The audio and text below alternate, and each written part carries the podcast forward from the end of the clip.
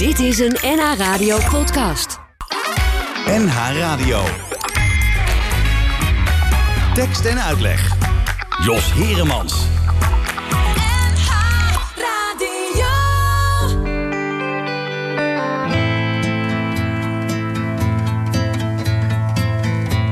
Daar ga ik dan terug naar de zee.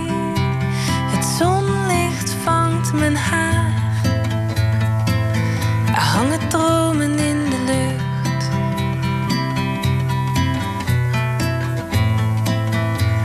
Golven glitteren dicht bij mij. Het is niet eerlijk wat ik zie.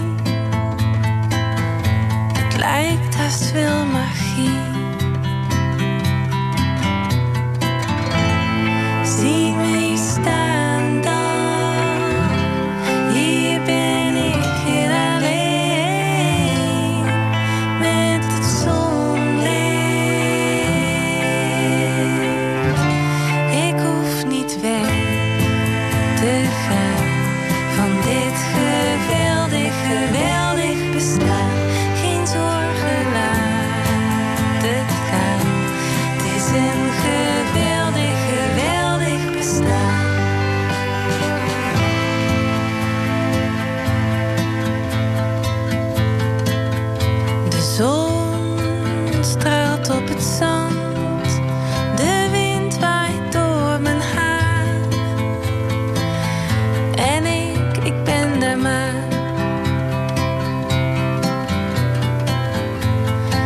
En was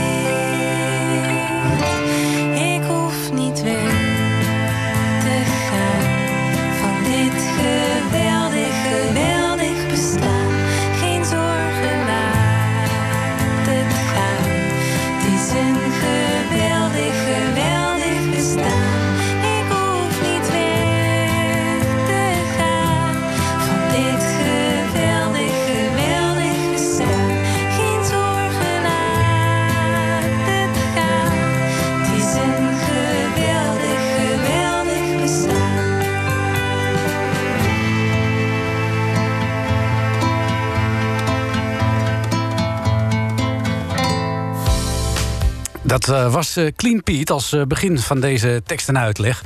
Met een nummer dat je misschien nog wel kent van Black. Black overigens, die op tragische wijze in 2016 om het leven kwam bij een verkeersongeluk. Toen heette het in zijn uitvoering Wonderful World en Wonderful Life. En zij hebben een Nederlandse vertaling daarvan gemaakt, Clean Pete. Gasten hebben we natuurlijk vandaag ook. En vandaag is de gast Carla de Jong, zij is schrijfster. Ja, al een tijdje, hè, Carla? Ja, ik eh, eh, heb een tienjarig eh, jubileum heb ik vorig jaar eh, gehad. Dus, eh, maar dan, en dan nog ben ik een vrij late debutant geweest, hoor.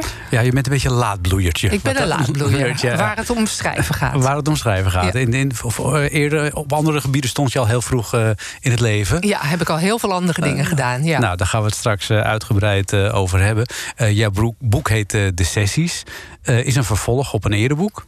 Ja, het is het vervolg op mijn debuutroman In Retreat. En de groep die ik in In Retreat geportretteerd heb... die volg ik nu vijf jaar later... eh, wat er van hun gekomen is eh, na een intensieve groepstherapie. Ja, dat, dat zit wel een beetje in jou ook, hè, om daar over dat soort dingen te schrijven. Of, eh, Ja, daar ben ik dol op. Mijn, de- eh, ik ben mijn eh, carrière begonnen in de psychiatrie. En daar heel veel met groepen gewerkt. En ja, hele bijzondere dingen meegemaakt. En in de afgelopen twintig jaar werk ik nog steeds veel met groepen. Maar nu met name in bedrijven en gezondheidszorginstellingen. Ja, is, is er veel veranderd dan in die tijd qua aanpak? Ik denk in de psychiatrie zoals ik daar werkte, is hopelijk eh, echt wel verleden tijd. Eh, toen werd er veel meer opgenomen. Toen werd er ook meer gesepareerd. Dus mensen echt in isoleercellen Hmm. opgesloten. Dat is momenteel gebeurt dat heel zelden meer. Ja, ja, maar je hoort ook wel van mensen dat ze eigenlijk best moeite moeten doen om geholpen te worden. Ja, er zijn natuurlijk wachtlijsten. Die zijn overigens ook al van de tijd dat ik begon. Toen waren er ook al wachtlijsten. Mhm. En uh, ja, wat je ziet is dat er tegenwoordig heel veel verschillende instellingen zich bemoeien met één en dezelfde cliënt. En dan Mm. gaat er nogal eens wat mis in de communicatie. Ja, dus eigenlijk dat er te veel hulpverleners zijn in plaats van één goede. Ja, dat er geen regie is en dat er dus uh, dingen misgaan. Ja, ja. Uh, wij gaan niet in therapie. Uh, nee. wij gaan een goed gesprek hebben over Jan Niels de Boek. En wie er ook niet in therapie gaat, dat is Lonneke Dort. Lief, jij voelt ook dat we de foute kant op gaan en dat we straks, als dit zo doorgaat, tegenover elkaar staan. En dat we langzaam kwijtraken wat ons samenbracht, maar ik wil je niet kwijt. En ik heb de oplossing bedacht. Ik heb op Marktplaats een camperbus gekocht. De route heb ik vannacht al via Google uitgezocht. We vertrekken nu meteen, pak je tas dus. Wij gaan niet in therapie. Wij gaan naar Damascus. Wij gaan niet in therapie. Wij staan niet stil bij de symptomen. En al die shit uit onze jeugd, waar alles wel uit voort zal zijn gekomen. Tussen de granaten zullen we voelen dat we leven. Te midden van ellende zullen wij naar liefde streven. We rennen en beschuilen exploderende raketten. Terwijl vlammen om ons heen de stad in lichterlaaien zetten. In lawaai van vallend puin, scherven vliegen om ons oren. Durven eindelijk te schreeuwen omdat niemand ons kan horen. Je roept dat ik te gesloten ben en moet gissen naar wat ik voel. En ik krijs dat jij nooit doorvraagt naar wat ik echt bedoel. Wij gaan niet in therapie. Wij staan niet stil bij de symptomen. En al die shit uit onze jeugd, waar alles wel uit voort zal zijn gekomen. Zo staan we in de chaos, onze stemmen schorten tieren. En om ons heen klinken bommen, het gejakker van mortieren. Stof daalt op ons neer en bedekt ons alle twee. Uit de verte klinkt zachtjes gezang uit een moskee.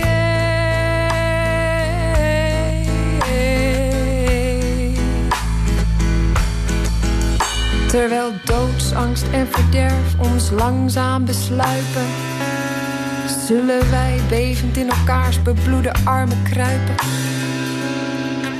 Lief, laten we gaan, dit is waar het weer begint. Want ik hoorde op de radio dat tegenslag verbindt. Hmm.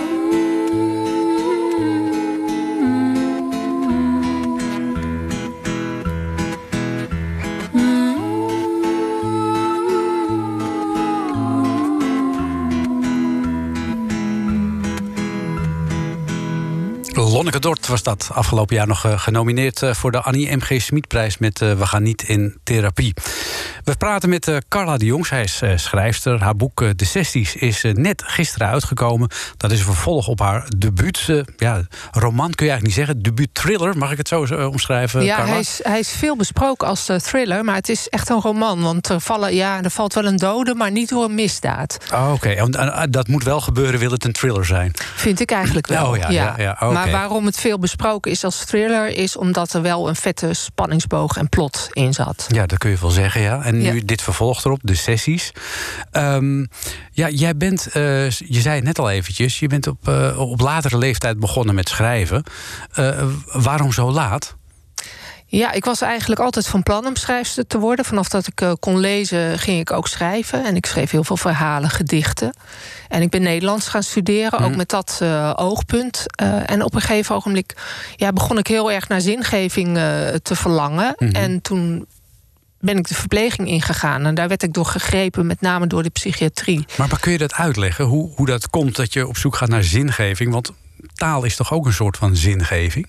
Ja, zeker. Ik, ik denk op dat moment, ik was natuurlijk heel jong, 18, 19, dat ik dat ik op dat moment heel graag met mensen wilde werken en betekenis wilde hebben voor mensen in directe zin. Mhm. En dat heb ik ook jaren met, met ongelooflijk veel plezier gedaan. En eh, daarna ben ik organisatieadviseur geworden. En toen heb ik heel veel geschreven, heel veel zakelijke teksten. Mhm.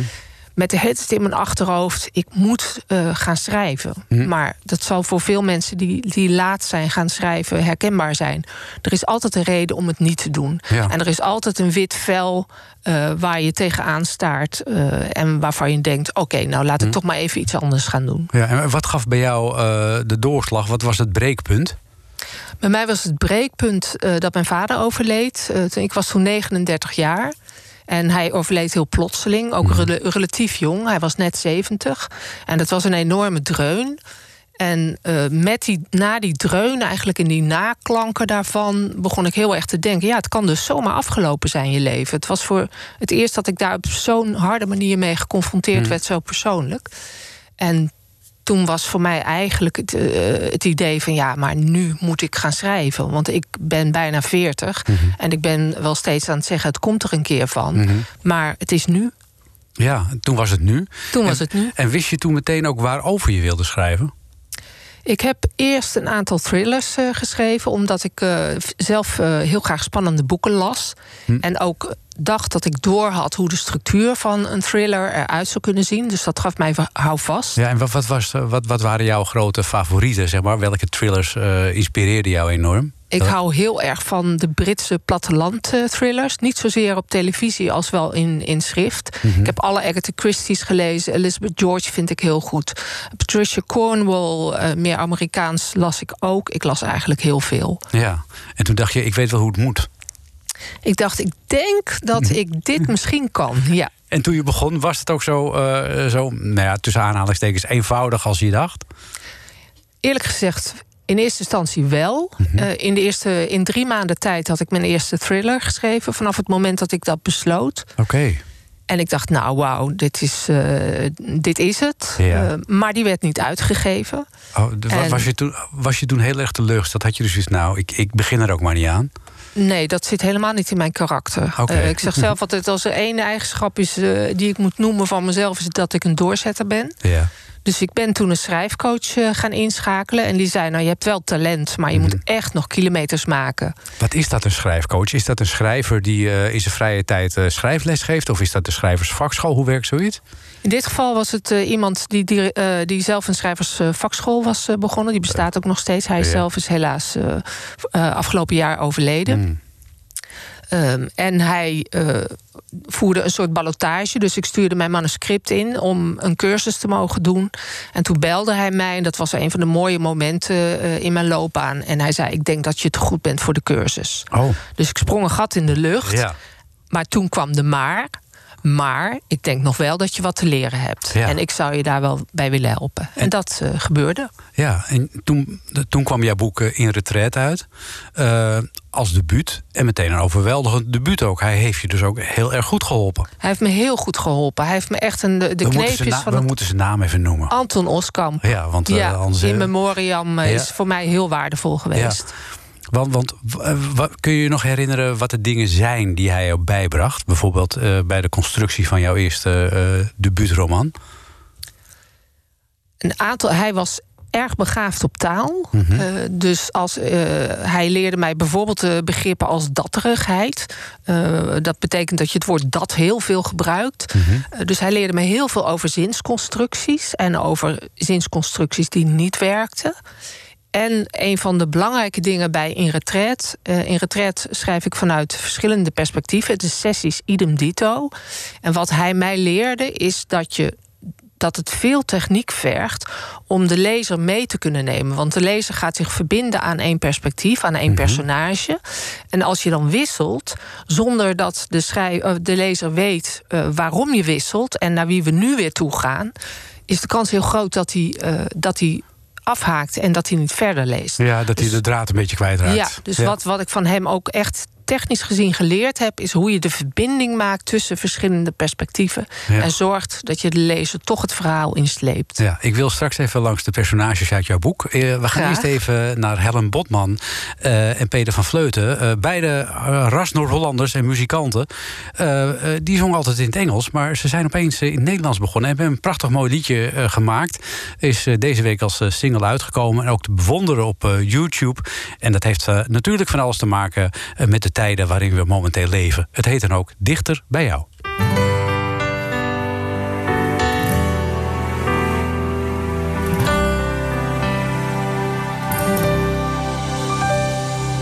Als deze storm weer ligt, terug in het evenwicht, wat zal er dan zijn gebleven?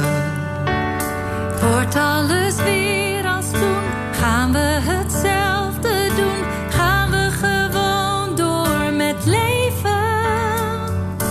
Wat er ook verder verandert, één ding waar ik naar verlang, dichter bij jou, dichter bij jou, met jouw wang weer tegen de mijne, dichter bij jou, dichter bij jou,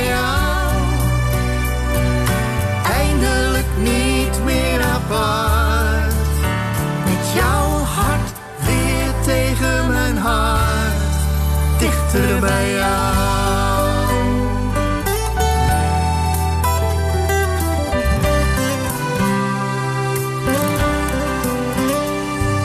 Droom jij daar soms ook van, dat je weer dansen kan, iedere grens overbodig? Dat er geen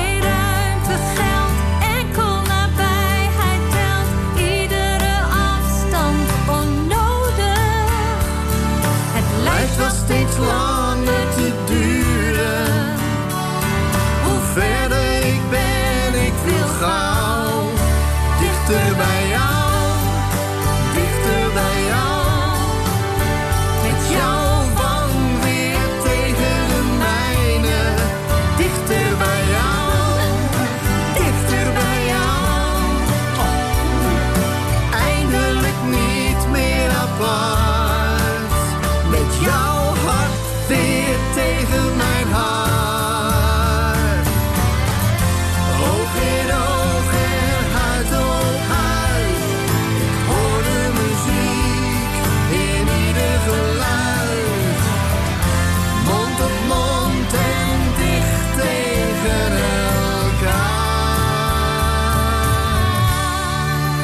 Dichter bij jou, Dichter bij jou, dichter bij jou. dichter bij jou. Met jouw wang weer tegen de mijne.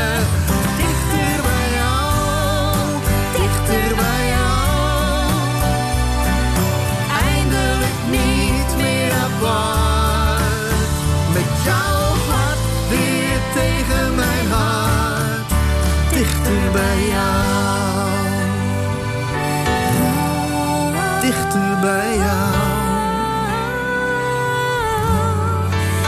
Dichter bij jou. Dichter bij jou.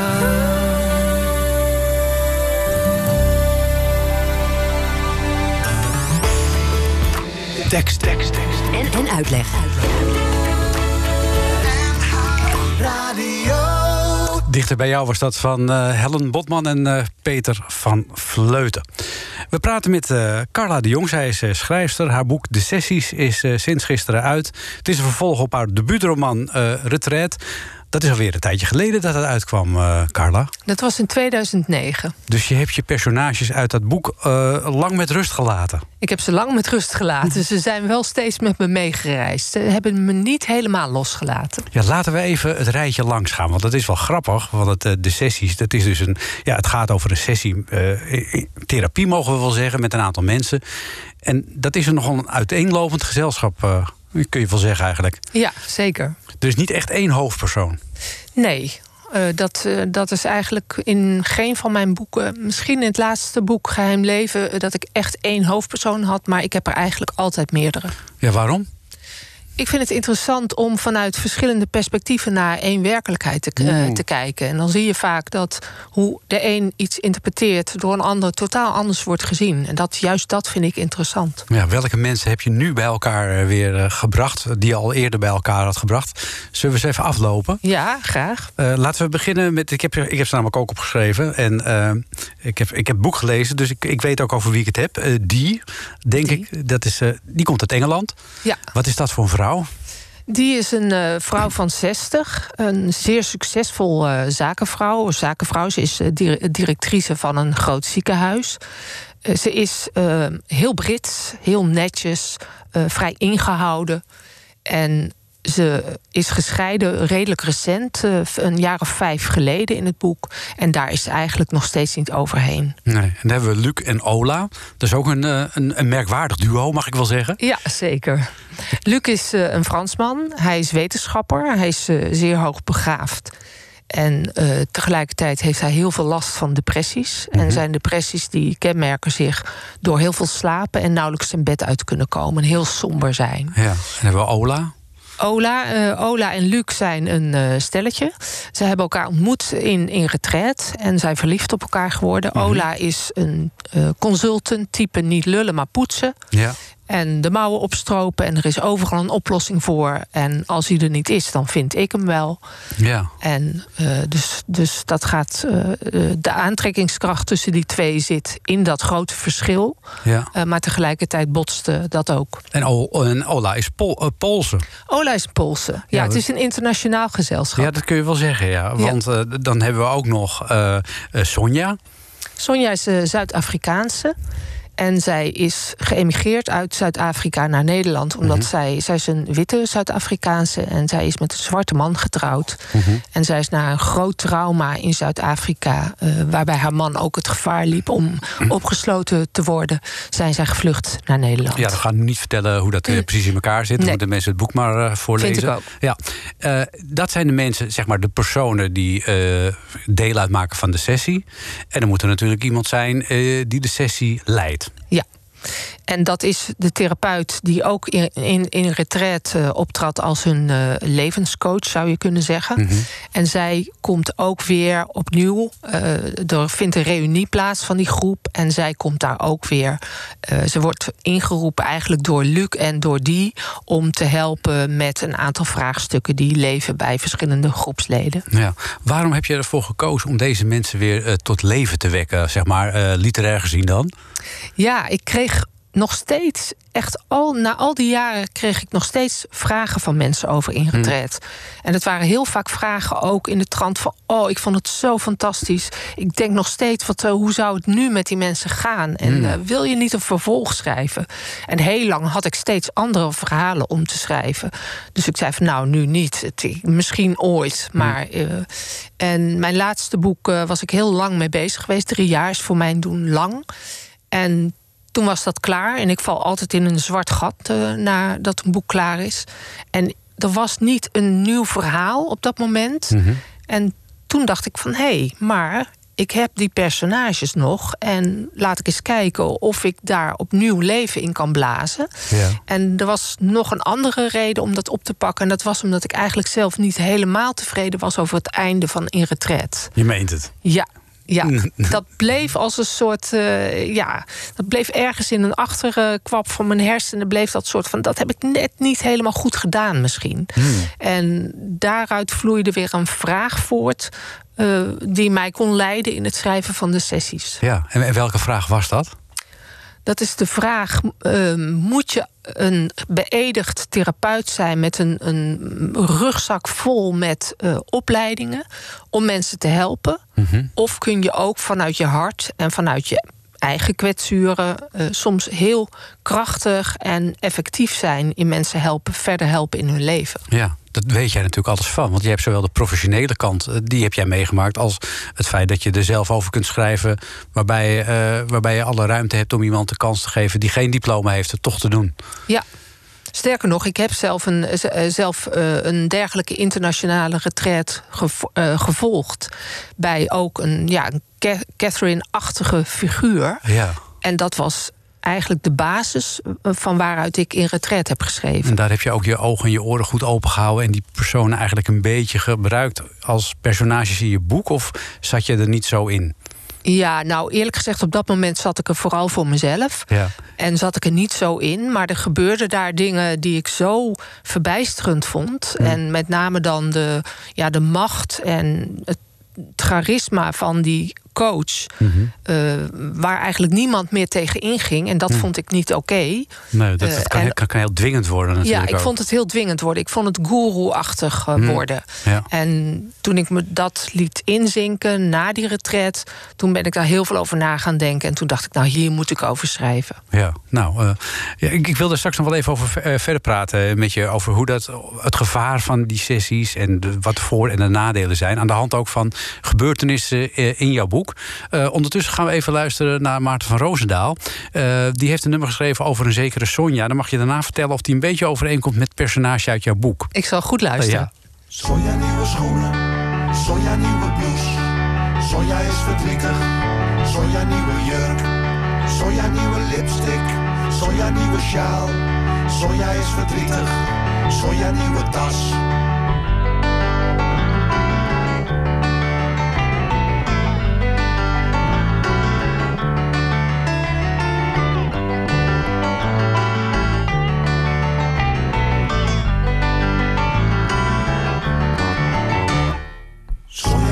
Sokken, Sonja nieuwe crème.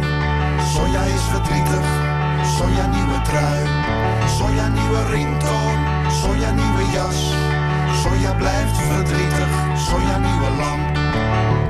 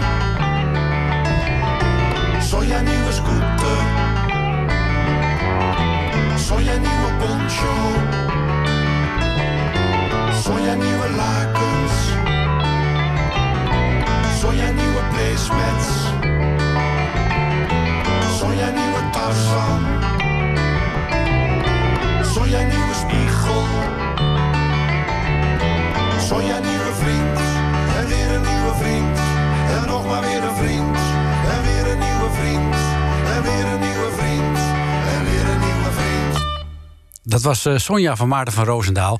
Ja, en eh, hij overleed op eh, 1 juli 2013. Dus eh, begin juli, dan eh, moet ik altijd even bij hem stilstaan.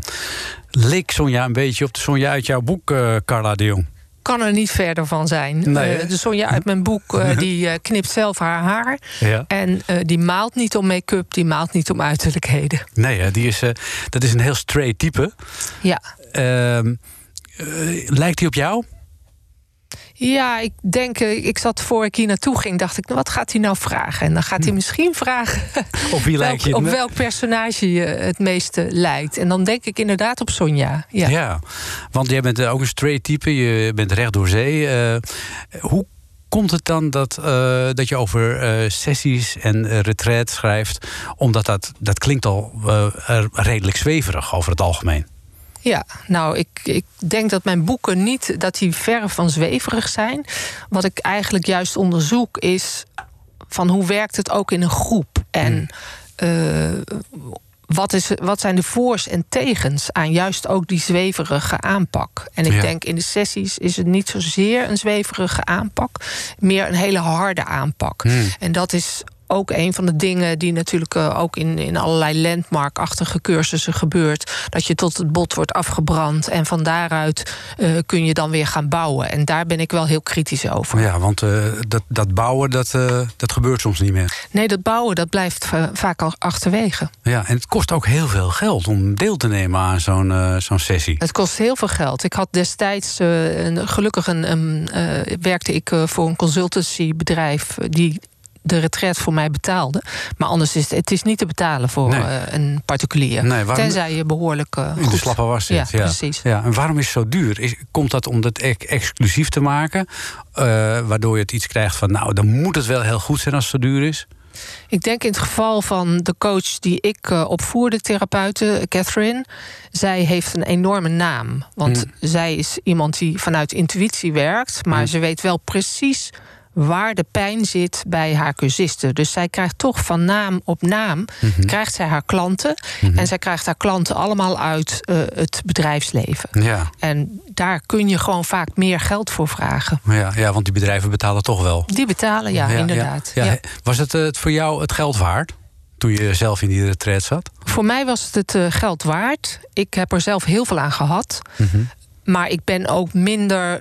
ik was al steviger dan sommige andere mensen. Ik weet wel dat er iemand uit onze groep daarna zich een jaar heeft moeten ziek melden. Oh. Omdat er zoveel was losgemaakt wat niet meer was afgehecht. Oh, dat is wel pijnlijk dan. Ja, dat was uh, echt heel naar. Ja, want, ja. want, nazorg is er dan niet? Nazorg is er dan eigenlijk nauwelijks. Hmm.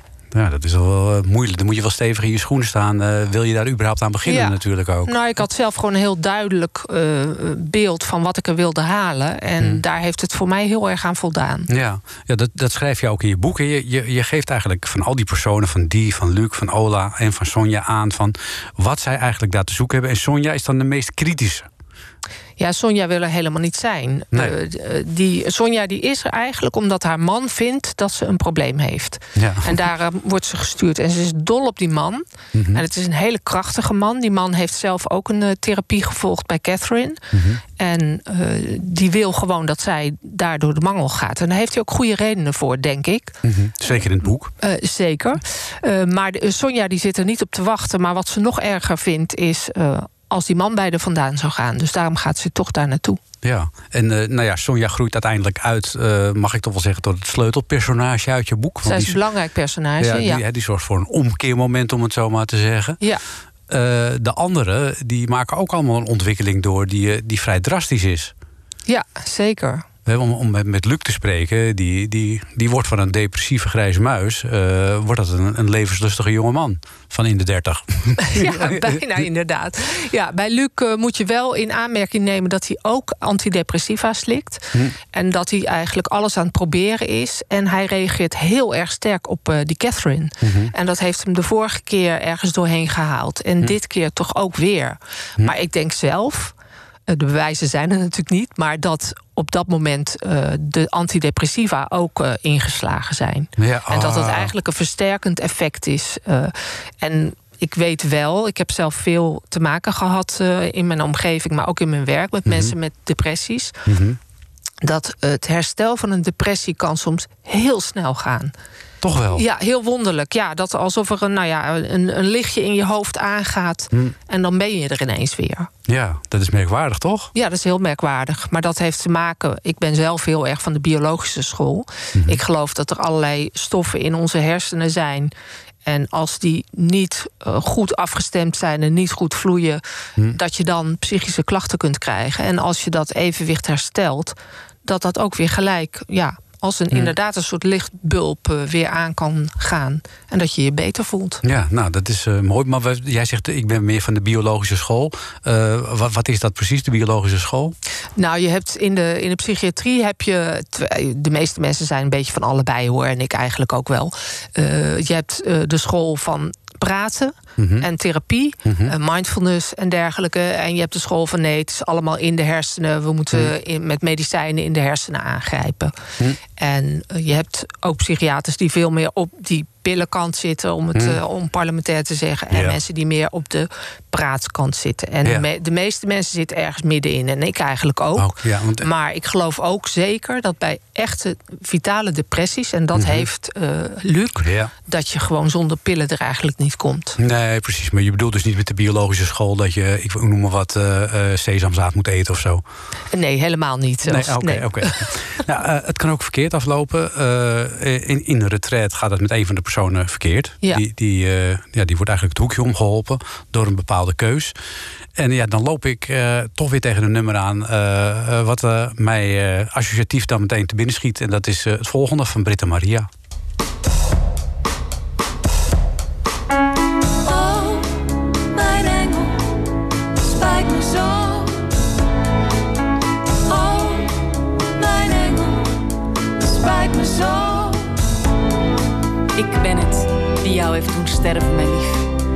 Was het niet waard, weet je.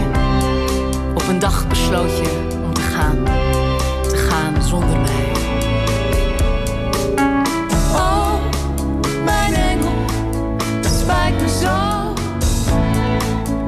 Oh, mijn engel, het spijt me zo. Het aftellen was al begonnen, mijn lief. Of was het vanaf het begin al verdoemd? Wie weet. Je nam een enkele reis. Reis waarvan niemand ooit terugkeert. Oh, mijn engel, spijt me zo. Oh, mijn engel, spijt me zo. Ik, ik heb alles geprobeerd, mijn lief. Het was zo onnodig, ik weet het. Het lag besloten in de tijd, mijn lief. Ik heb geen berouw, nog spijt. Spijt me zo. Oh, mijn engel, spijt me zo. Ik ben het die jou heeft doen sterven, lief. Ik heb je van binnen verscheurd, ik weet het. Je bent nu voor altijd bij de engelen. Voor eeuwig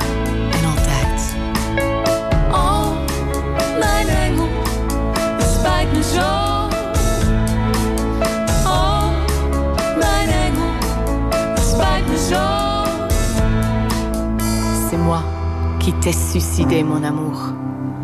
Moi qui t'ai ouvert le vin, je sais.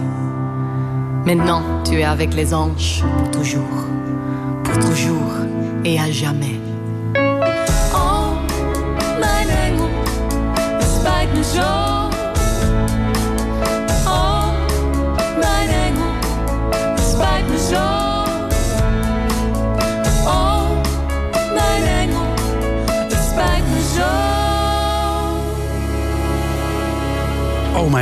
Oh mijn engel, het spijt me zo van eh Britta Maria. Twee elementen uit jouw boek eh, komen hier eh, in de nummer toevallig bijeen, Carla de Jong. Want engelen spelen ook een rol. Engelen spelen ook een rol. Eh, ze beginnen eigenlijk de retreat met het trekken van engelen. En dat zijn kaartjes die kun je gewoon op, eh, online op internet eh, kopen. En die engelen die staan ergens voor. Bijvoorbeeld voor gezinszin, voor verlangen, voor optimisme. En de leden van, van de retreat die trekken dan zo'n kaartje. En dat wordt dan hun leidmotief voor de retreat. Ja, precies. En, en een van de, in jouw eerste boek, in, eh, Retreat, da- daarin eh, overlijdt Brad, een van de hoofdpersonen. Ja. Die komt nog wel terug, ook in het tweede boek. Eh, maar daarin geef je ook in feite aan eh, van eh, als je verkeerd begeleid wordt, dan kan het ook eh, slechte gevolgen hebben. Ja, want Brad die kreeg eigenlijk een slecht advies. Hm. En het advies was om te blijven in een liefdeloos huwelijk. Mhm. En hij zag op een gegeven moment geen uitweg meer. Zijn Hm. leven leek zinloos en over. En er was te veel pijn voor hem. Ja. Eh, is het eigenlijk ook mogelijk, ja, ik heb het gedaan, om dit boek te lezen zonder dat je in retret gelezen hebt? Dat je aan de sessies begint zonder in retret? Ja, want ik heb er eh, heel bewust eh, op gelet dat dat lezers die in retret niet kennen, gewoon in meegenomen kunnen worden. En dat eh, heb ik geprobeerd zo subtiel mogelijk te doen. Dat je toch iets weet over de achtergrond. Maar de sessies heeft weer een heel nieuw verhaal en ook een nieuwe dynamiek. Ja, Eh, dus in die zin kun je, het- kun je ze ook echt los van elkaar lezen. Ik denk wel dat het leuk is als je ze allebei leest. Ja, dan krijg, ga je, krijg je de voortgang een beetje mee... en de ontwikkeling ook van de verschillende persoonlijkheden. Ja. Eh, je hebt gekozen voor een Nederlands decor, Friesland... maar een internationaal gezelschap. Ja. Heb je dat bewust gedaan? Of eh, zijn er plannen voor eh, internationale vertalingen? Nou, dat zijn er sowieso altijd. Voor dat laatste. Maar ik heb zelf die retret gevolgd. En dat was een internationaal gezelschap. En dat Mhm. vond ik heel interessant. Want je ziet dan ook toch dat. Eh, je achtergrond, ook het land waarvan je vandaan komt, de cultuur waarmee je groot bent gebracht, die bepaalt ook in bepaalde mate eh, je problematiek. En dus in die zin vond ik die internationale eh, groep vond ik interessant. Mhm. En Friesland heb ik gekozen als decor... omdat dat de provincie is waar ik in mijn jeugd heel veel tijd heb doorgebracht. Mijn vader was Fries. En ik hou ontzettend van Friesland. En ik Mhm. vind het een prachtige provincie. Je kunt er alleen niet komen, hè? Je, je moet er altijd met de taxi heen in jouw boek. Ja, ja, ja. ja.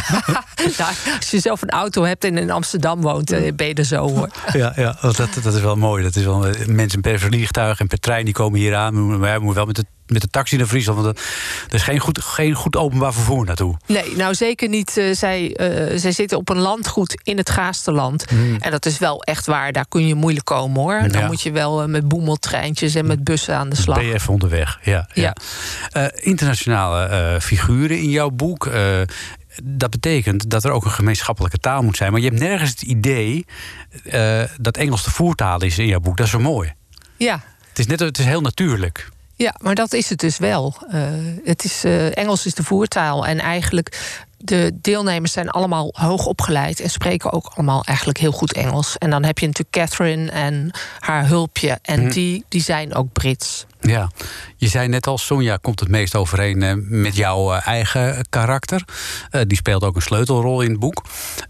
Welk personage heb je het meest moeite mee gehad om hem te modelleren, hem of haar? Personage waar ik eh, zeker in, eh, in retret moeite mee had, was Laila. Laila is het hulpje van Catherine. En Laila is iemand die zich heel onderdanig opstelt. Alles doet voor haar meesteres. En zichzelf helemaal wegcijfert. En dat is een type vrouw ook, waar ik heel slecht tegen kan. Ja, het zit helemaal niet in jouzelf. Het zit niet in mij. Nee, nee, dan kan mijn man, eh, die zal het daarmee eens zijn. Ja, ja, ja, ja. Die denkt af en toe wel eens, oh, was maar een beetje Laila. Ja, een klein beetje Laila zou leuk zijn. Ja, ja. Heeft hij het gelezen overigens, je man? Ja, die is altijd eh, degene die het het eerste leest. Ja, en, eh, en wat vond hij ervan? Ja, hij vond het heel mooi. ja. En is het nu klaar? Is de vraag natuurlijk. Is de, na de sessies, zijn ze allemaal klaar voor de wereld? Of komt er nog een vervolg? Ja, ik denk eerlijk gezegd wel dat er een vervolg komt. Omdat Sonja is nog niet klaar voor mij. Eh, Sonja gaat natuurlijk aan het einde van het boek... Nou, dat ga ik niet verklappen niet trouwens. maar, nee, nou, het is- eh, met Sonja kan ik nog even door. Dat denk ik ook. En er komt ook nog wel een nieuwe retret. De Hmm. vraag is even of de andere personages daar ook nog een rol in spelen. Daar ben ik nu over aan het nadenken. Ja, er kunnen natuurlijk altijd nieuwe personages bij ja, komen. daar heb ik ook wel weer zin in, eerlijk ja, gezegd. ja, dat Ja. even, even vers bloed erin gebracht wordt. Precies, ja. Ja. Nieuwe problemen. Ja, en heb je al enig idee op welke termijn dat, dat zou moeten gebeuren? Mijn uitgever wil heel graag dat ik dat eh, over een half jaar aanlever. En dat Oh. betekent dat het volgend jaar uitkomt. Oh, dat is wel snel dan al. Het is snel, ja. ja, ja. En is het eh, zaadje al zover ontkiemd eh, dat, dat dat zou kunnen? Het begint nu te komen. Bij mij is de incubatietijd altijd vrij lang. Ik ben er al een paar maanden over aan het nadenken. Maar Hmm. als ik ga schrijven en Ja. het klopt... dan kan ik ook weer heel snel schrijven. Ja. Dus dan is eh, een half jaar eh, voor mij haalbaar. Want dan Oh, kan ik echt, eh, ja, dan kan ik gewoon heel veel schrijven in Ja. korte tijd. En schrijf je alleen nog maar, want je zei al net van ik heb hiervoor ook allerlei andere banen gehad. Eh, ben je nu fulltime schrijfster geworden? Nou, ik heb wel mijn vaste baan opgezegd eh, om meer tijd te besteden aan het schrijven. Want het ging op een gegeven moment echt niet meer samen. Maar ik doe er nog steeds af en toe eh, consultancywerk bij. Ik werk nog steeds met groepen. Eh, groepen waar wat aan de hand is. Maar ik begeleid ook bijvoorbeeld een aantal groepen dokters die met elkaar casuïstiek willen bespreken over cliënten. En dan begeleid ik zeg maar het gesprek, ben ik gespreksleider. Ja. En daarnaast geef ik les ook aan twee schrijfinstituten. Aan de Queride Academie en de uh, Schrijversacademie. En dat vind ik ook heel erg leuk om te doen. Ja, dus eigenlijk doe jij wat de leraar die jou het schrijven heeft geleerd... dat doe jij nu zelf? Ja, en ik heb ook dezelfde houding, denk ik, als hij. Dat het gewoon enig is om uh, te werken met mensen die schrijven... en om ze te proberen om ze beter te maken. Ja. Zou het wat voor jou zijn om zelf zo'n sessie te leiden... zoals je in je boek hebt beschreven? Um, ik zou het denk ik wel kunnen. Ik heb vroeger, uh, ik was groepstherapeut. Ik heb mm -hmm. een opleiding gedaan voor dramatherapie. En dat heb ik ook een aantal jaar uh, groepen begeleid. Maar de manier waarop het gaat in, in retret en in de sessies, zou ik niet doen. Want ik vind dan toch te gevaarlijk om zo intrusief, om mm -hmm. zulke ja, haast gewelddadige technieken toe te passen. Dat zou niet bij mij passen. Nee. nee. Uh, we moeten nog even discussiëren of het een thriller is of een uh, roman. um, aan het eind uh, met de sessies. Ik denk dat het inderdaad weer een roman is, want er vallen geen doden. Nee. Dus een roman dan? Ja, er staat ook een roman op hoor. Oh, okay. uh, het is echt een roman voor mij. Maar ik hoor vaak dat ik een thriller-achtige pen heb. En dat is toch ook wel wat ik zelf graag lees. Ik hou mm. Wel van het uitdiepen van personages. En ook zorgen dat die zich echt ontwikkelen in de loop van het verhaal. Mm. Maar ik hou ook van een plot. Ja. En dat maakt dat er. Ja, er zit gewoon spanning in het verhaal. Ja. En dat is ook wel wat ik beoog. Een spannende roman. Een spannende roman, ja. Nou, dat, dat is, dat is, uh, daar kan ik me heel goed in vinden, in die ah, beschrijving. Okay. Nou, dan mag je nog iets vinden. Uh, want uh, tot slot is er nog een Nederlands lied... wat jij heel graag wil horen. Ja, uh, ik heb zelf hele, eigenlijk mijn eerste jeugdherinnering van een lied. Buiten, ja, zuster nee, zusterliederen. Maar wat mij echt raakte, waar ik ontzettend blij van werd. Uh, dat was uh, Hoog Sammy, kijk omhoog Sammy van uh, Ramses Shaffi. Nou, dan gaan we daar zo dadelijk Een fantastische zanger. Ja, ja, absoluut, absoluut. ik vond het heel leuk dat je er was. Ik Zit er ook. alweer op. Ja, tijd Dank is alweer voorbij. de sessies is uitgegeven door Ambo Antos. En ligt sinds gisteren en nog heel lang verder in de winkel. Dank je wel. Dank je wel ook. Carla de Jong.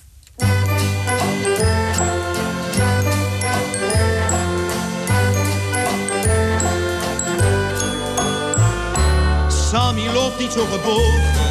Denk je dat ze je niet mogen? Waarom loop je zo gebogen, Sammy, met je ogen, Sammy, op de vlucht? Hoog, Sammy, kijk omhoog, Sammy, want daar is de blauwe lucht. Sammy loopt niet zo verlegen, zo verlegen door de regen. Waarom loop je zo verlegen, Sammy, door de stegen, Sammy van de stad? Hoog, Sammy, kijk omhoog, Sammy, want dan word je lekker nat. Sammy, kromme, kromme Sammy, dag Sammy, domme, domme Sammy. Kijk niet om zich heen, doet alles alleen en vindt de wereld heel gemeen. Sammy wil bij niemand horen, zich door niets laten verstoren. Toch voelt hij zich soms verloren. Sammy, hoge toren, Sammy kan niet aan. Hoog, Sammy, kijk omhoog, Sammy, want daarboven lacht de maan. Sammy wil met niemand praten, maar toch voelt hij zich verlaten. Waarom voel je je verlaten, Sammy, op de straten, Sammy van de stad?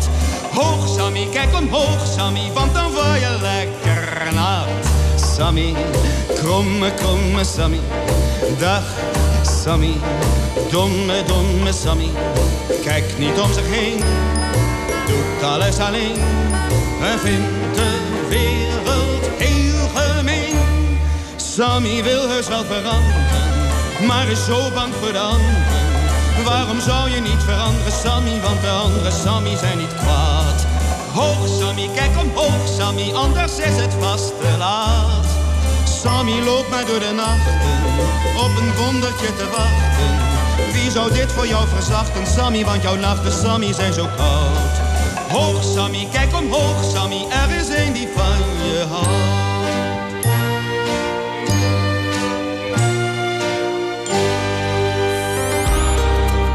Tekst. En uitleg.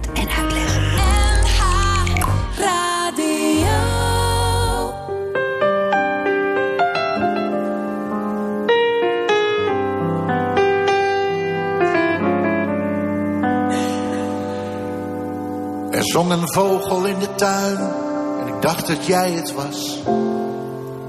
Er was een tinteling bij mijn kruin en ik dacht dat jij het was. Er was een pijnscheut in mijn nek en ik dacht dat jij het was. Er was een viooltje bij het hek en ik dacht dat jij het was. Er was een zonnestraal op mij en ik dacht dat jij het was. Er was een steekje in mijn zij en ik dacht dat jij het was. Er was een wolkje in de lucht en ik dacht dat jij het was. Er sloegen ganzen op de vlucht en ik dacht dat jij het was. Alles klinkt als een boodschap van jou. En alles vraagt of ik nog van je hou. Alles zegt dat je ergens nog op mij wacht.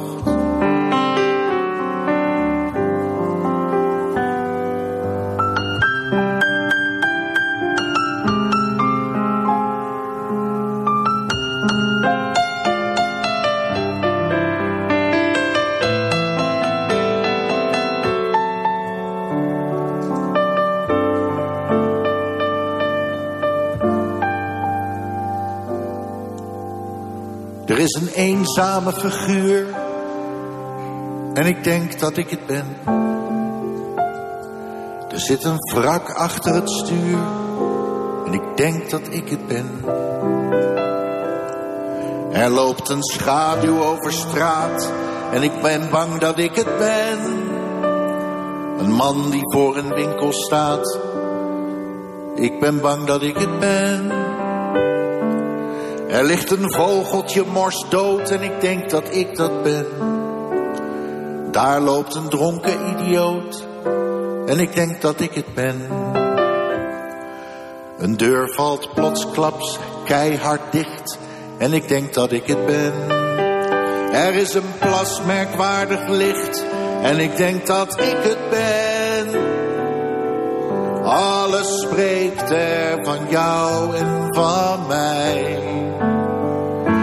Alles gaat onweerlegbaar voorbij. En ik blijf achter. Samen met dit lied.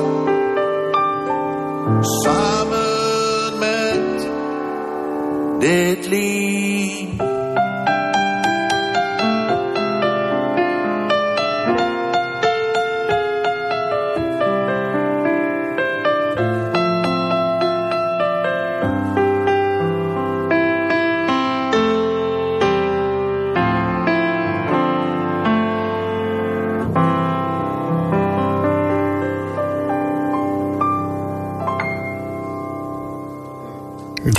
Dat is toch prachtig. Mike Modé was dat met Ik dacht dat jij het was. En dat is een eh, lied geweest dat is genomineerd voor de Annie M. Schmidprijs. Hij is niet geworden. Alex Klaas eh, ging er met eh, de hoofdprijs vandoor. Dus geen prijs voor Mike Modé, maar wel een prachtig mooi nummer. My Way ken je natuurlijk van Frank Sinatra. Of van oorsprong natuurlijk een Frans nummer. Maar er is ook een Nederlandse versie van, van Raymond van het Groenewoud. Ik sta op duw je even weg. Je geeft geen krimp, zoals gewoonlijk.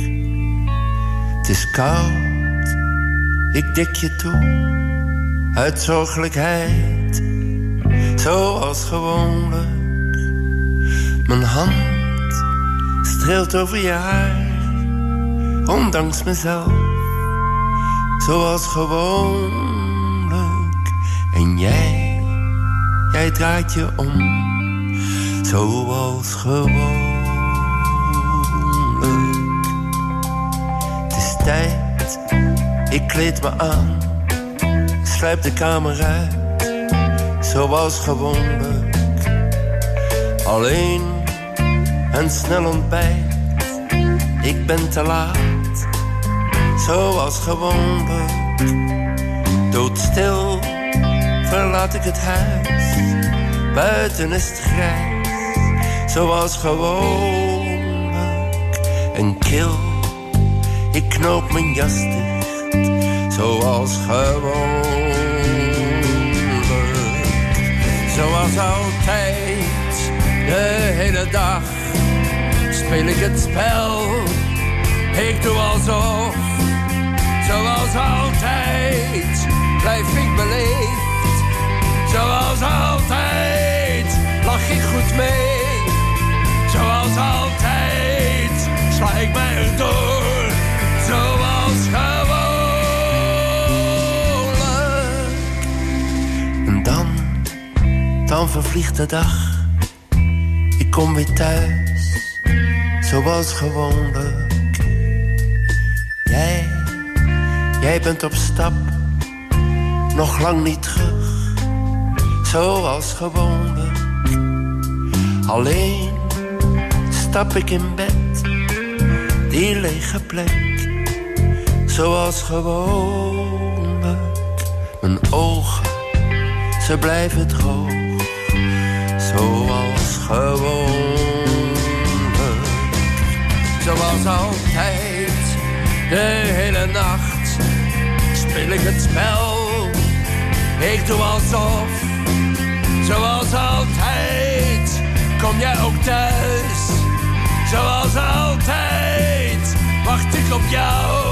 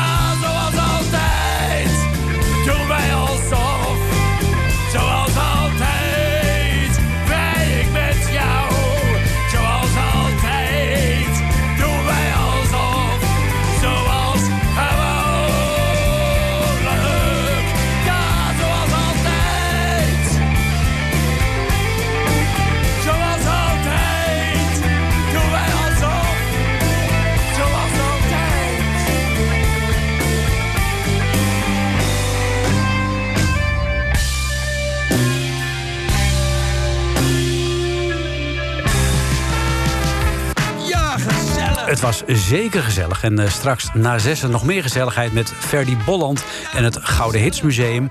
Wil je dit programma nog een keer terugluisteren? Dan kan dat, want eh, we zijn er natuurlijk ook eh, als podcast op eh, nhradio.nl en via allerlei andere podcastkanalen. Ik wens je nog een gezellige zaterdagavond. Gezellig. Dit was een NH Radio podcast. Voor meer, ga naar nhradio.nl. Radio.